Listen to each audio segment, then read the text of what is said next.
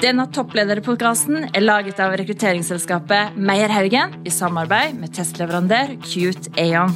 Har du land, da, eller? Nei, ja, vi ja, ja. Det er tjuvhogst. Nei, men jeg, jeg liker denne effekten av motorsag. Da er jeg liksom dedikert av det stille. Da er jeg opptatt med én ting, og det er et visst risikoelement, og det må, og det må gjøres. ikke sant? Så det, og så er det et fysisk element, da, for jeg får jo trent altfor lite i forhold til det jeg hadde Og så er det vedfangst. Ja, det er som sekundært. Ja. Ja, for den veden varmer jo tre ganger. men sånn- Ja, ja, ja.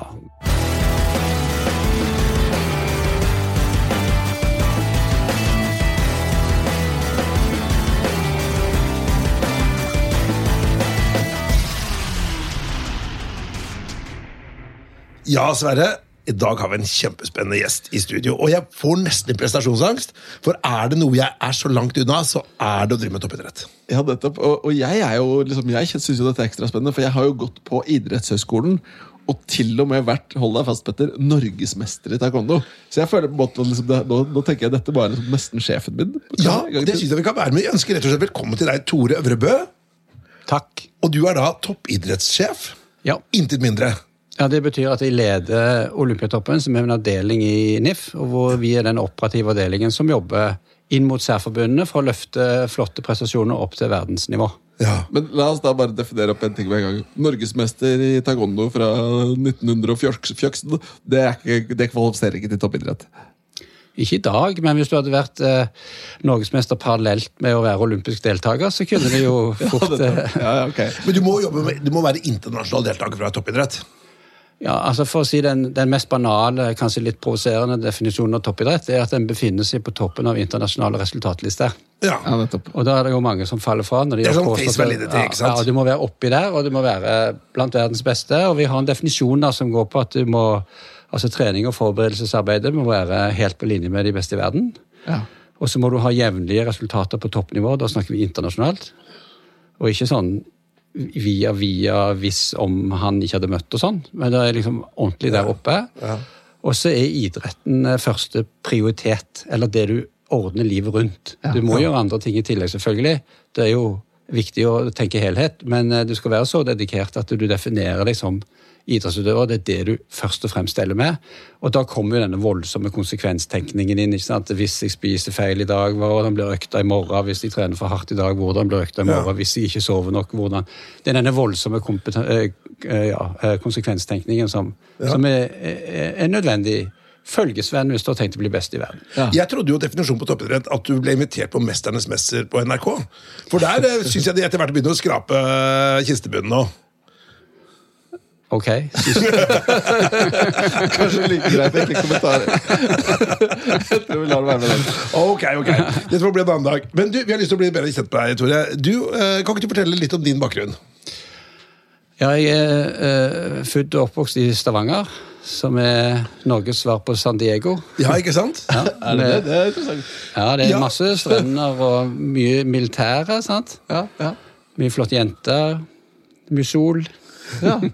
Mangler fem-seks grader, da, så er vi der. Ja, så Og så har du, vi jo Sandnes. Sandnes, du, da. Jeg skal flytte til, ja, for jeg skal flytte til, eh, til USAs Stavanger, blir det da? Eller? Ja, ja. Hvis du flytter til Sandnes, så flytter du egentlig til Tijuana, ikke sant? Ja, nettopp, ja. Så da fikk, jeg, skal- da fikk jeg lagt inn den. Det er sånn jeg alltid pleier å prøve å få med, da. Ja, ja, ja. For Petter er jo fra Nordens Murmansk. Kan du gjette hvilken by det er? Nordens Murmansk? Eller Nordens Detroit. Hvor kan det være? Er det der de produserte trollbiler? Ja, du, det er Telemark, så det er jeg Notodden. Notodden, ja. Ja, ja. så det, og du kommer fra Nordens eh, Grand Ja, Det må Canyon? være på Hillbilly-land, i hvert fall. Ja, ja, ja. er Jeg er glad i Sandnes, jeg, altså. Ja. Det er, men det er sånn gammel greie så, som henger Ja, det er jo nødt til å holdes varm, ikke sant? Ellers Ja, ja, virker ja. ikke. Men Men du har en idrettskarriere bak deg selv innen roing, har du ikke det? ja, jeg var roer. Jeg begynte å ro da jeg var 13 år. Og har rodd siden, si? Ja, altså både, både fysisk og overført betydning. Nå, nå tåler ikke ryggen så mye fysisk roing, men, eh, men det er ikke nødvendigvis roing av seg sjøl. Men eh, jeg begynte med roing da jeg var 13 år, og holdt på med det til jeg var 25, tenker jeg. 1990, ja.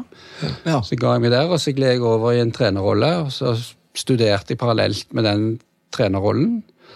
Og så ble jeg landslagstrener i eh, ja, februar 1997, og var det til 2004. Og så begynte i Olympiatoppen. Ja. Og så har jeg vært der siden i forskjellige roller. da. Så idretten har jo vært svært viktig. Og så har jeg tatt en utdannelse utenom som har null idrettsfag i seg. Det er en, en fagkombinasjon av historie, sosialøkonomi og filosofi.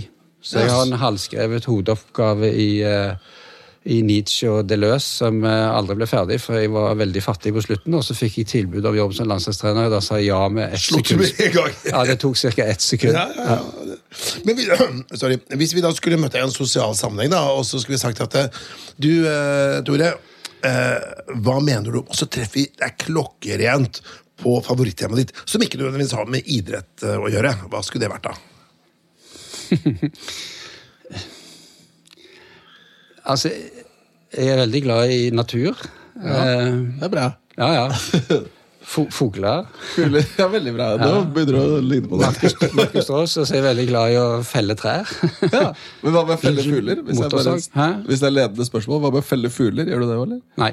Nei. Jeg har aldri drevet med jakt. Nei. Nei, men dette med fotball, selvfølgelig. Men altså, det Hæ?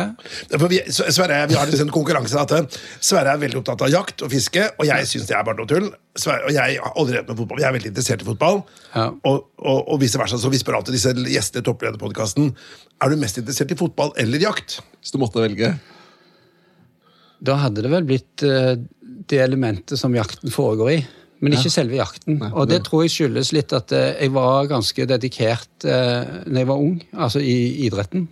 Jeg fulgte den med at idretten er hovedreferansen. Ja.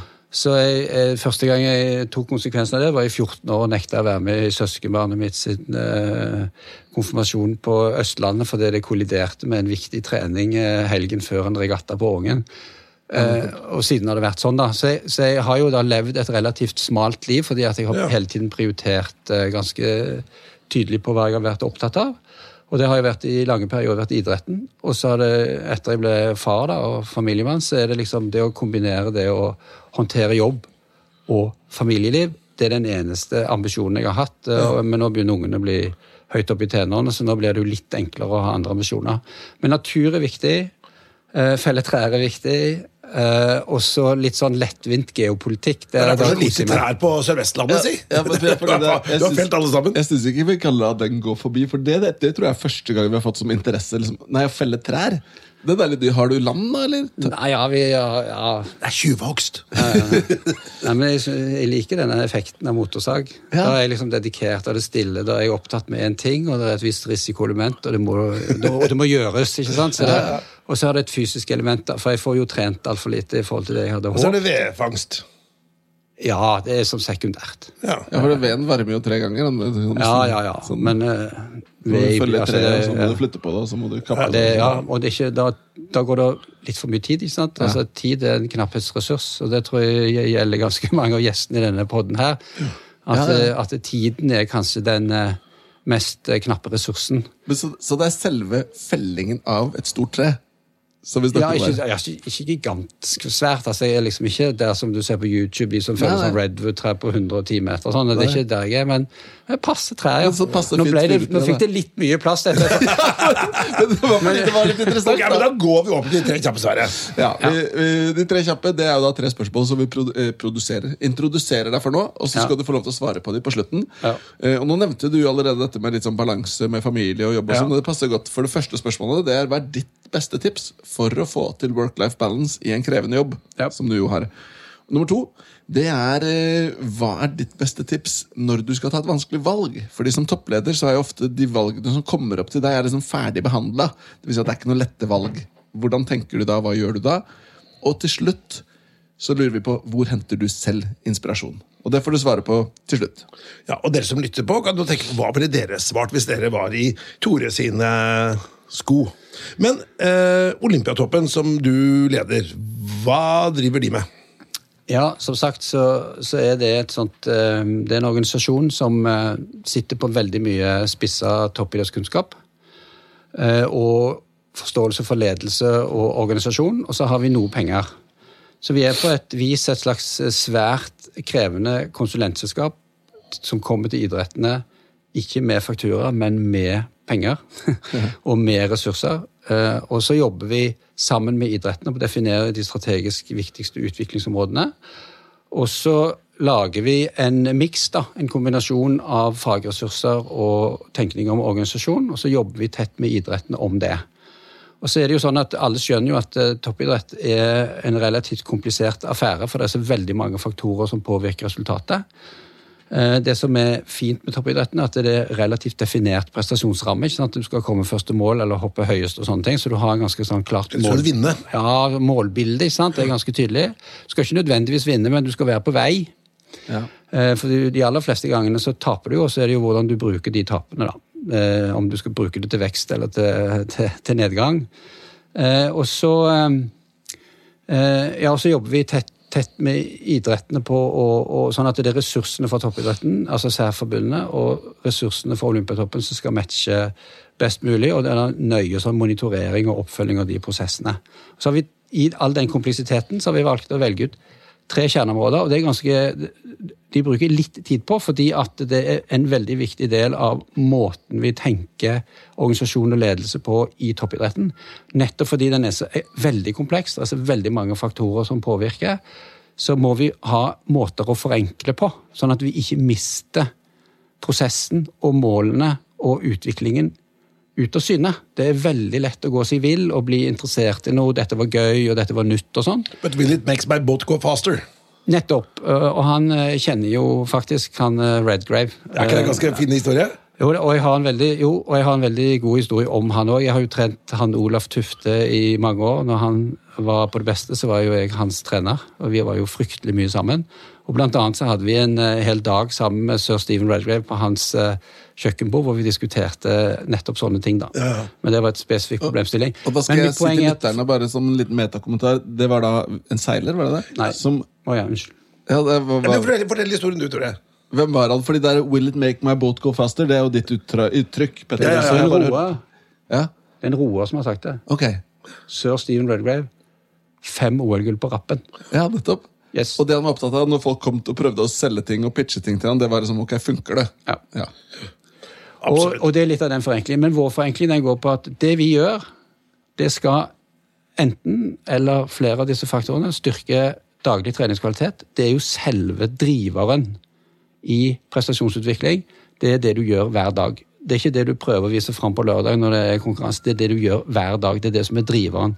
Treningskvaliteten. Og så er vi opptatt av konkurranse, forberedelse og gjennomføring. Det er det vi viser frem i OL og VM. Da kommer all teknologien og utstyr og taktikken og alle disse tingene fram. Og så har vi en faktor som eh, jeg tror vi er best i verden på. Det er den vi, som toppidrettskultur og toppidrettsorgan. Vi, jobber, vi skal jobbe med å styrke relasjonene i prestasjonstimene. Vi er ekstremt opptatt av at folk at det er en verdiforankring i det der. Men det. Hvordan har folk det sammen? Hvordan tar de vare på hverandre? Hvordan deler de kompetanse? Hva slags type omsorgsnivå er det i eh, prestasjonsgruppene? For psykologisk trygghet, eh, trivsel eh, og den type ting betyr mye mer for prestasjonen enn det man umiddelbart tenker. Og det har, Derfor er det en av de tre kjerneområdene som vi absolutt skal jobbe for. Og hvis vi ikke jobber for det, så er det bedre å gå hjem.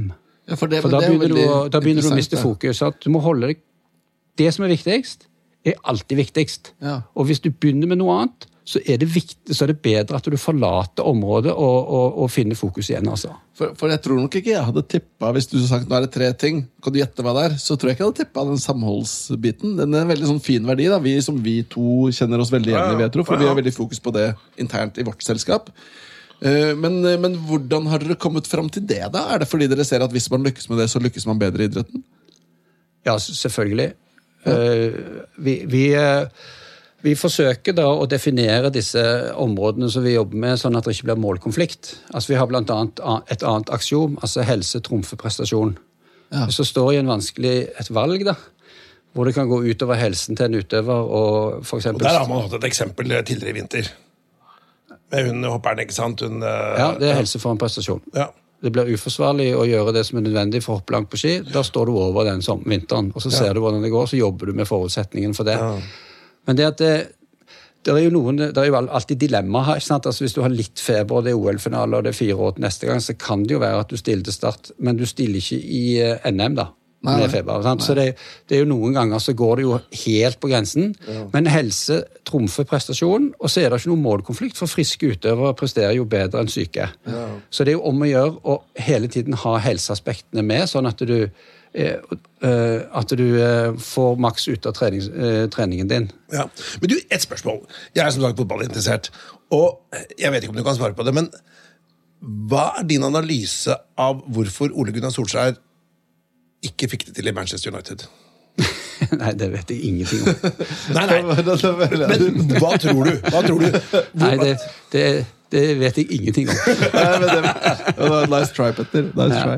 Men jeg har et annet spørsmål. Jobben din, da, fordi den, Nå har vi hatt mange ulike organisasjoner inne her. Vi har hatt finansministeren, vi har hatt kringkastingssjefen, vi har hatt forsvarssjefen. Mange ulike. Du kommer fra idretten. Men så er det interessant å se på de ulike liksom, domenene. da. Eh, vil du si at din rolle er den hovedsakelig fagorientert eller kommersiell? Eh, jeg har Altså, faglig. Ja. ja det var enkelt, enkelt svar. Ja, ja, jeg, det er tippet opp med det. Men vi, det vi, vi prata litt om i forkant her, det er jo dette er hva arbeidslivet kan lære av idretten, og hva idretten kan lære av arbeidslivet. Vanligvis er det jo den fokuset på sånn hva kan arbeidslivet lære av idretten. Hva tror du vi kan lære av dere, da? Ja, For det første så er det veldig viktig å legge vekt på at den pila går begge veier. Ja. Eh, Vi lærer mye av næringsliv, selvfølgelig. Eh, Og vi tror at vi har Det er en del ting i idretten som er så av målbildet er så klart. eh, Så blir det et slags laboratorium. altså Hvis du innfører endringer, så vil du se utvikling.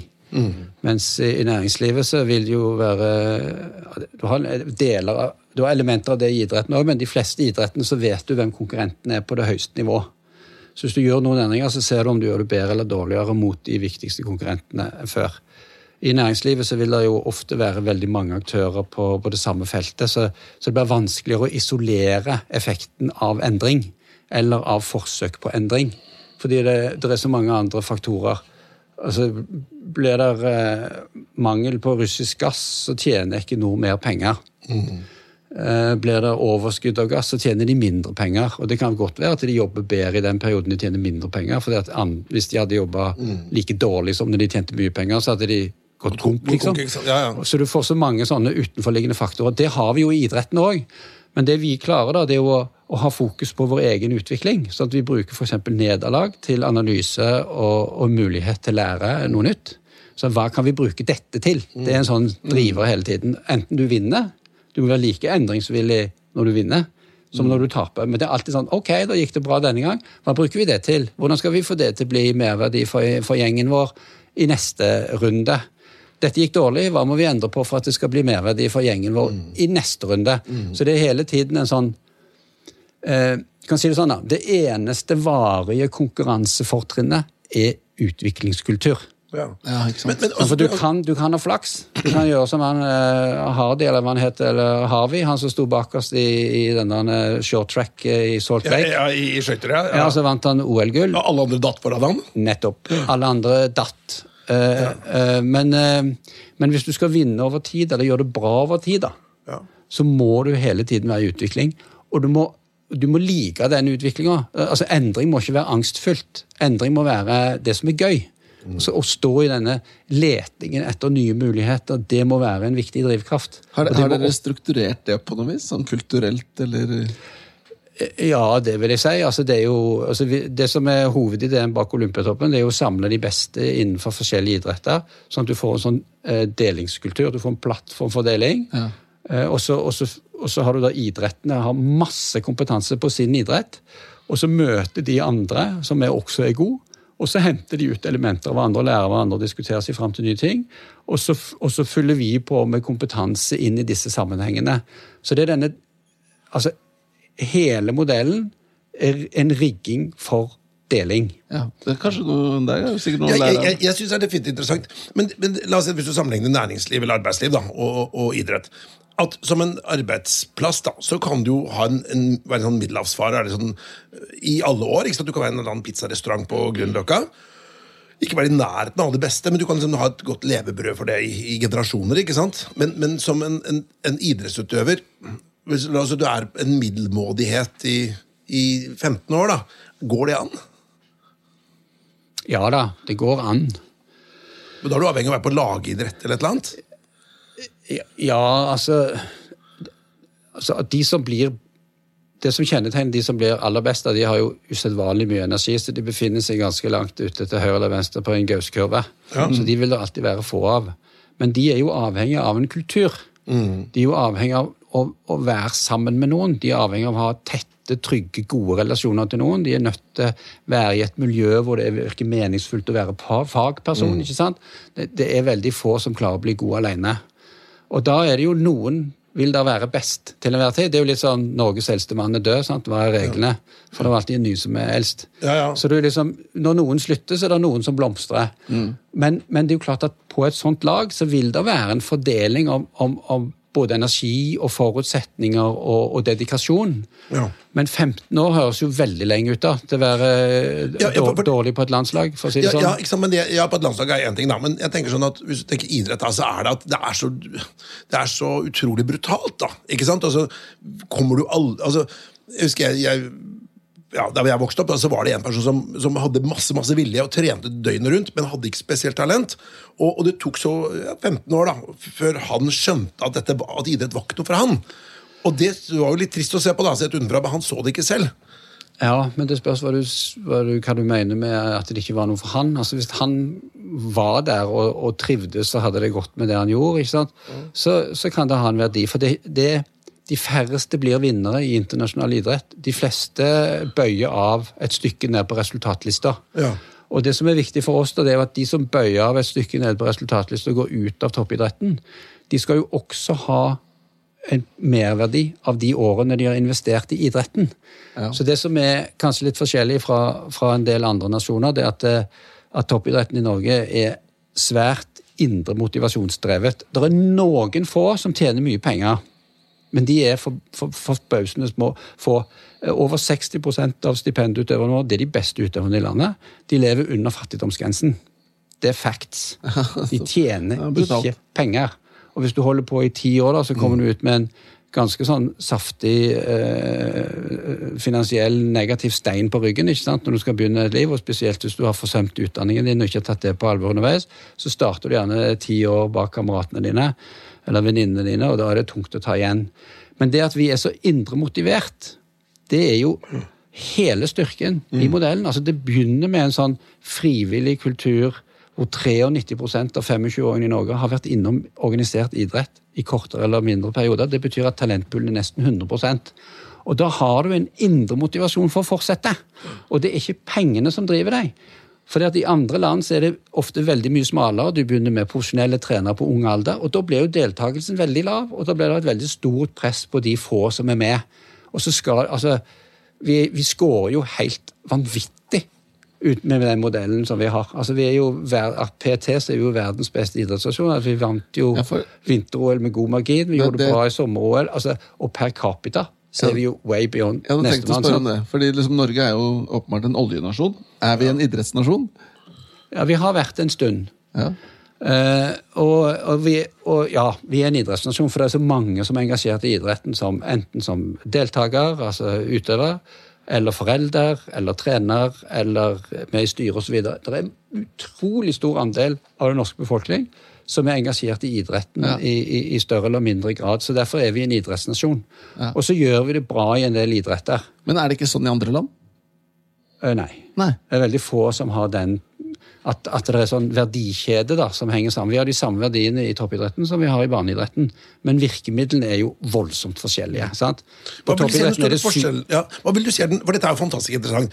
Hvorfor jeg tror som du sier, Hvis du tenker per capita, så er Norge en beyond alle målinger. Flest OL- og VM-gull uh, i, i verdenshistorien. Og, og hvorfor er det blitt sånn? Er det at vi er jo, Genetikk og sånn er vel ca. likt fordelt i verden. Og så er det et eller annet på organisering eller penger eller filosofi eller kultur eller et eller annet. Ja, Det er iallfall ikke genetikken. Nei, ikke sant? Uh, men eh, vi, altså, vi, er vi er jo ikke gode i alle idretter. Vi er gode i noen idretter.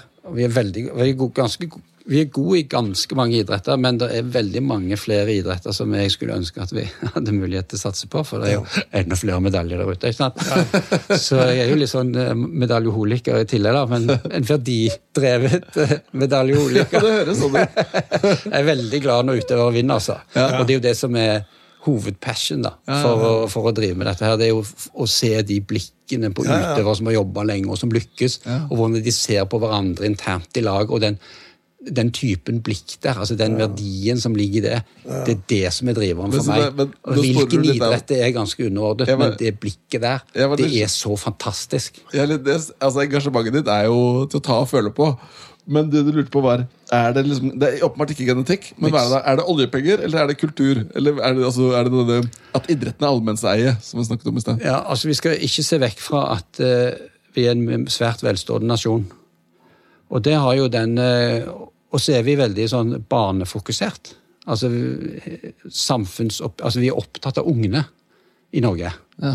Ungene er ikke noe sånn som bare henger med, og så skal du bruke det til noe senere. Altså, ungene er ofte en referanse for politikken. og? Altså, Skolepolitikk betyr mye, helse for barn betyr mye. Og Det gjør jo at når vi har det velferdsnivået og er så opptatt av barn, så kan du si det at eh, et bilde på det, da, som sikkert ikke er helt presist, men som kan gi en idé, så snitt tolvåringen i Norge er sannsynligvis den tolvåringen i verden som er nærmest den amerikanske drømmen. Altså de, eh, de aller fleste blir tatt vare på. De aller fleste har eh, fått eh, god mat. De har, fått, de har gått på en, en gratis skole, så de kan lese og skrive hvis de ikke har spesielle vanskelige forutsetninger. De har gode tenner. altså De, De er liksom der, da. Og det er talentpoolen til Norge. Så det er jo klart at velferdsmodellen vår gjør at mange har mulighet til å gjøre det bra. Og så på grunn av velferden så har også mange anledning til å delta i frivillig arbeid. Ja. For de må ikke bare jobbe for brød. Du slipper å ha to jobber. Du slipper å ha to eller tre jobber som er underbetalt eh, alle sammen. Det betyr at man kan følge ungene på trening. Man kan rekke trening klokka fem eller halv seks. Man kan og så. Og det gjør jo at dette økosystemet da, er jo fueled by money. Ja. Men samtidig så er det denne verdiforankringen at, at vi opplever at idretten en pilar i velferdssamfunnet, og det ønsker den norske befolkningen å støtte opp under. Så blir det med oppover. Ikke sant? Og, og, og utrolig mange kjenner en olympisk mester i Norge. Fordi at nærheten er så stor. Og jeg vil si det at avstanden mellom klubb og den olympiske vinneren i Norge er lik null. Ja. Altså Karsten Warholm og Dimna, avstand der er null. Han vet hvem de folka er, og de vet hvem han er. Og sånn er det, og det er en utrolig viktig driver i den norske uh, idrettsmodellen. Fra bredde, barn, til topp. Men virkemidlene er jo voldsomt forskjellige, for på toppen er vi jo superprofesjonelle. Mens Men du- på jeg- bånn håper vi å være minst mulig profesjonelle. Og dette kunne vi prata om i dagevis, men vi har lyst til å komme litt opp på dette med toppledelse. Dette er en topplederpodkast. Så øh, kan ikke du bare si sånn uh, ser, på, ser du på deg selv som en toppleder? Hvordan skal jeg si det, da? Altså, jeg har vært i idretten hele tiden. Eh, eh, jeg har eh, jeg, jeg, jeg liker å ta ansvar. Og så er jeg sånn som Når det dukker opp en mulighet, så vurderer jeg den muligheten. Altså, jeg er relativt uredd på det. da, Så jeg har liksom tatt de oppgavene som har kommet. Og nå leder jeg da Olympiatoppen, og så rapporterer jeg til generalsekretæren i Idrettsforbundet. ikke sant? Så, så er det 100, er vi, fall, eh, vi er rundt 130 ansatte totalt, eh, inkludert alle regionene. Vi har sju regioner, og så har vi hovedsetet på Sognsvann. Og så omsetter vi for en par hundre millioner sentralt. Så det er jo, om det er definisjonen på en toppleder og lede så mange eller ei, det, det, det, Ja, definerer dere- definitivt som det, og du er, en av, du er den eneste som har hatt topp i tittelen din. da. Og Det syns jeg er moro når vi har topplederpodkast. Men, men uh... Ja, det, er jo, det, er jo- det er jo den assosiasjonen til toppidrett, da. Ja, jo, jo, jo, men allikevel. Uh, topp er topp. Nei. Men dette med psykologi, Sverre, skal vi sette litt på det? Ja, altså vi, vi har jo Du har nevnt noen Du nevnte noe i stad om de som lykkes i idretten. Veldig mange av de ligger langt til høyre på en gauskurve. eller? Eller venstre. Jeg vet ikke hvilken skal velge skalaen går. Og da er det jo litt over på noe som vi er veldig opptatt av, som er type. Ikke sant? Vi jobber jo med rekruttering, vi intervjuer folk, og vi analyserer og vi tester mennesker for å se på personlighet. For å vurdere er det bra match med jobb eller andre ting. Så har vi spurt vår testleverandør, som heter Aon, eh, hva tror dere, eller hva har dere data på av toppledelse, de som er på toppen? Hvor ligger de? Er det noen steder hvor de typisk har utslag på den gauskurva? Og da har jeg en liste med ord som jeg nå skal lese opp for deg. Og så skal du si om du kjenner deg igjen. Er dette beskrivende på din personlighet eller ikke? Henger du med? Er du klar? Eh, Ja, kanskje. Ja. se. La, oss, la oss se. Nå går startskuddet! Sulten? Ja. Ok, da begynner vi. Vil du si at du er overbevisende? Det tror jeg. Ja. Vil du si at du er hensynsfull? Absolutt. Ja. Vil du si at du er resultatfokusert? Ja. det var ganske. Vil Men, eller det spørs hva du mener med det. Jeg, jeg, jobber, ikke, jeg jobber for utvikling, og Ja. det ender gjerne i resultater. Det er ikke resultatene som er liksom Ja. Nei. Så det bytter svar? Nei, Det kommer an på hvordan du det er definerer vold, ikke sant? Altså, Det må jo ende opp i noe. Ja, ja, ja. Og, sant, og, og det det ender opp i, er resultater. Men fokuseringen er ikke på resultat. Det er på, det er på greiene foran. Ja, men det var god, god, presisering. Det er for, forberedelsesfokusert. Ja, nettopp. Eh, vil du si at du er besluttsom? Det kommer an på hvilken type sak det dreier seg om. Ja. Uh, det er, kan vi gå litt inn på etterpå. Vil du si at du er teoretisk? Både og eh, ja. Ja. Optimistisk? Ja, absolutt. Behersket? Yes. Yes, det, det er interessant. Og entusiastisk. Ja. Tror jeg vi kan si check på uten å spørre, nesten. Men, men eh, behersket, hva slags eh, følelser er det du må legge lokk på, eller kontrollere? ja, det, det er der du er, ja. Nei, altså, eh, det som er viktig, da, det er at eh, Nå går jeg tilbake igjen og sier ja, da definerer jeg meg som toppleder. Det betyr at det er ganske mange som forholder seg til meg som figur. Eh, Om de kjenner meg som personlig, eller det er ikke det som er poenget. Altså, jeg er lederen i en ganske stor avdeling i NIF, og vi driver med ganske synlige ting, og det går unna. Ja. Og mye energi og engasjement. Så derfor er jeg toppleder. Og mange vil jo vil jo se sjefen sin, uavhengig om det er meg eller noen andre. Og det betyr jo at jeg må jo sette en form for standard for hvordan man oppfører seg. Altså vi har jo Et av kjerneområdene våre er jo relasjoner i prestasjonstimene. Og Hvis jeg da bare fyrer på med den hissigproppen som jeg en gang har vært, Ja. så vil jo mange synes det er vanskelig. sant? Eh, Og vil utløse kanskje frykt, eller eller hvorfor er han så uinteressert i akkurat det jeg holder på med? Når han snakker med de, så er han jo helt i fyr og flamme. Og sånn, så det er utrolig mange sånne signaler man sender ut Ja, bare fordi man er der. ikke sant? Altså hvordan jeg er kledd, altså har jeg klippet meg, har jeg ikke klippet meg, altså hår i nesen, altså sint, sur, trøtt, ringer under øynene. altså Alt dette blir jo tolka. Så derfor så er det jo viktig at mine følelser på jobb må ha et forhold til alle de andre sine følelser. Altså dette er jo, dette er jo en form for rollespill. altså Jeg er jo på scenen hver dag. Ja, ja, ja. Det, det, det er jo ikke jeg som er poenget. Nei. Det er jo utøverne og den utviklingen. Og da må jo hele systemet Da må jeg forstå at hele systemet At jeg kan påvirke det. Jeg hadde et eksempel av hvor jeg, i en annen jobb i Olympiatoppen tidligere, hvor jeg var eh, tett innpå en landslagstrener som hadde hatt andre som var tett innpå seg. Og tidligere så hadde han fått veldig mye kjeft. da. Jeg må gjøre sånn og sånn, og du må gjøre sånn og sånn. Og, og så hadde han vært sånn mot trenerne sine, og så hadde de vært sånn mot utøverne sine. Og så svømte de ganske sakte.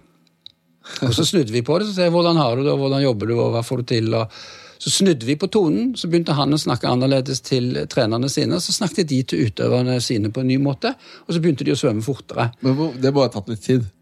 Hvor lang tid Det går det? ganske fort, det, vet Ja. du. For hvis du tar ut energien av folk Ja. fordi de er utrygge, ja. da er du ned ganske mange prosent på prestasjon. Umiddelbart. Så Derfor så sier jeg at jeg er behersket. Jeg skal være en stabiliserende faktor. Det betyr ikke usynlig og, og flat. Nei. Men du skal ha et bevisst forhold til hva slags følelser du skaper hos andre gjennom hvordan du formidler dine følelser. Følelser er en kraft, og det kan være det motsatte. Det kan være ordentlig negativt. Og, og det er jo veldig morsomt. Ja, og herregud, Dette her synes jeg er interessant, for motivasjonspsykologi og det, på måte, ikke sant, den norske lederstilen og på måte, å skryte av folk versus å være strenge og sånt noe. Men vi har jo da disse tre kjappe, Sverre. Ja, og, og jeg synes jo det er veldig interessant Det første spørsmålet Dette, Disse har jo vi plukket ut før vi ble kjent med deg, i den grad vi kan si at vi har blitt kjent med deg nå, Tore. Men du framstår jo som at du har et veldig engasjement for jobben din. Og da er det interessant, for det første spørsmålet vårt Det er jo hvordan klarer du å ha en work-life balance? Hva hva er ditt beste tips for å klare å balansere at ikke liksom jobben tar overhånd? Beste tips er at du må ville det. Ja, Du må bestemme deg for å ha work-life balance. Den kommer ikke av seg sjøl. Vil du det? Ja. Hva gjør du da? Eller hva, hvordan gjør du det når du da først har bestemt deg? Da. Da går jeg hjem. Og hjem. Så ekkelt. og, hjem, ja, og hjem med familien. Altså, hvis det er noe viktige e-poster, så kan jeg kombinere det med toalettbesøk, f.eks. Eller Ja, det, det, det, det, det er poenget er for, Du må ville det. Det, kan- er det, det er det aller viktigste. Ja, ja. Og, det, og det er kanskje det beste tipset av alt. Fordi Hvis ikke du vil det, så hjelper det ikke uansett hva slags andre triks du putter på. Nei, nei, du, du må jo ønske, du må ha det som en egen målsetning. Ja. Vi hadde jo noen her som på en måte sa at det har et ambisiøst sosial... Nei, var det eh, Et ambisiøst? ambisiøst privatliv. Ja, ja, ja. Topplederen i BCG. Så sa. Ja, hadde sett opp en avtale med deg sjøl.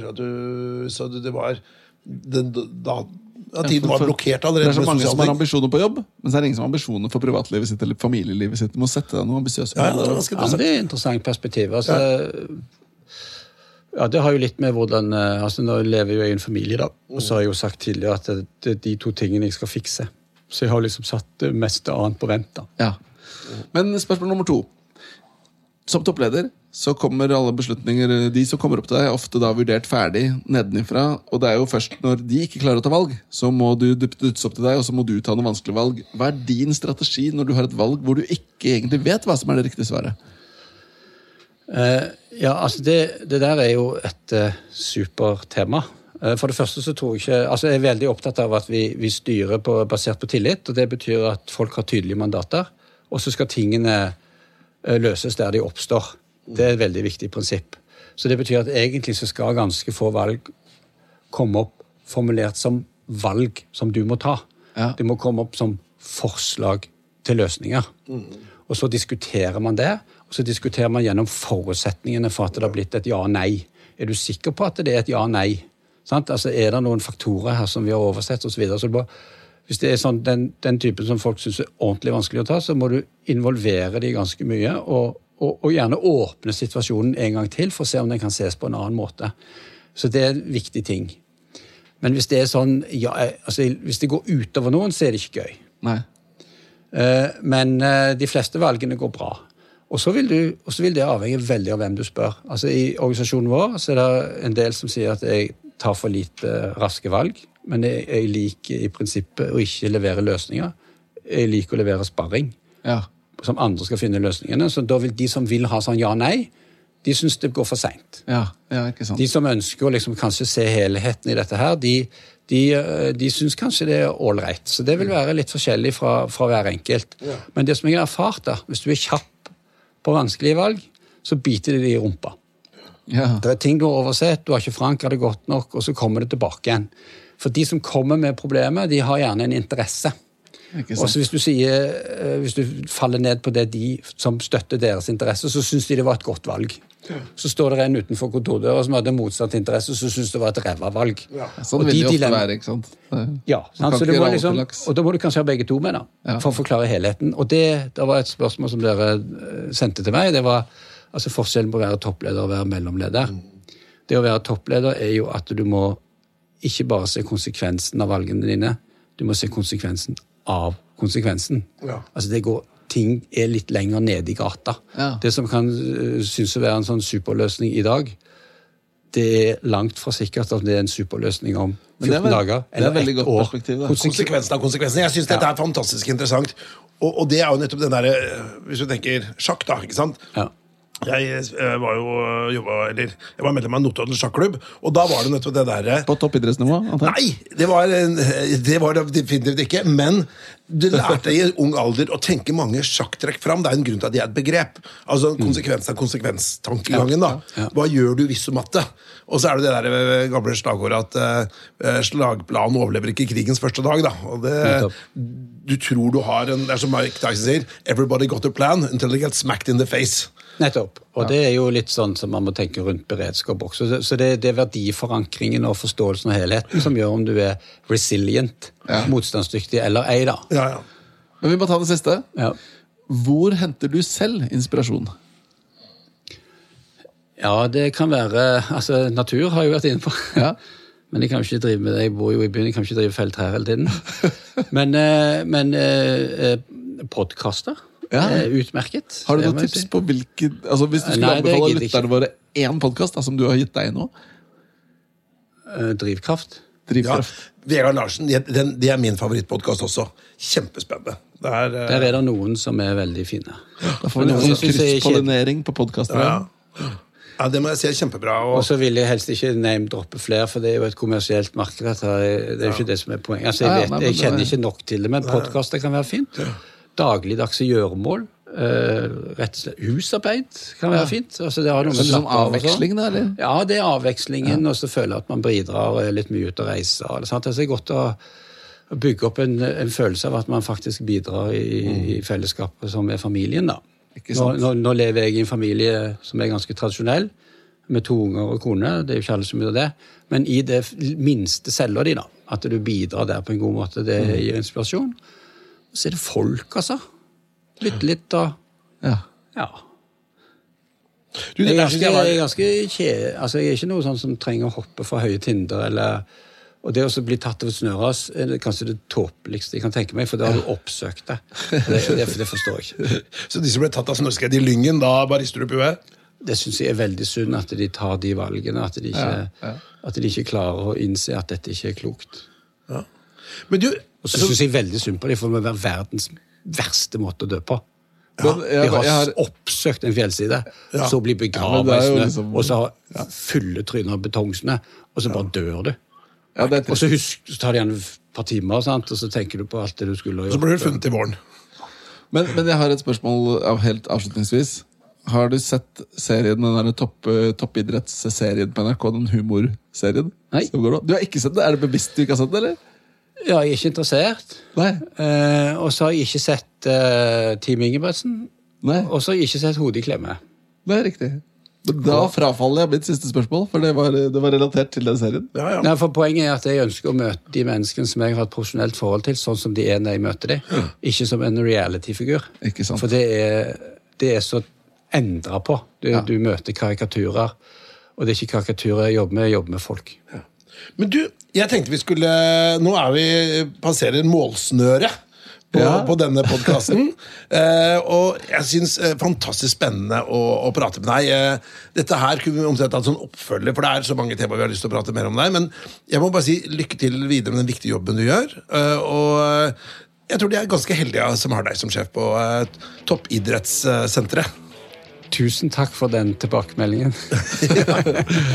den kan komme godt med på kalde dager. Ja, ja, du fortalte meg neste medarbeidersamtale. Har du innspill eller kommentarer til denne podkasten, kan du sende en e-post til toppleder at meierhaugen.no.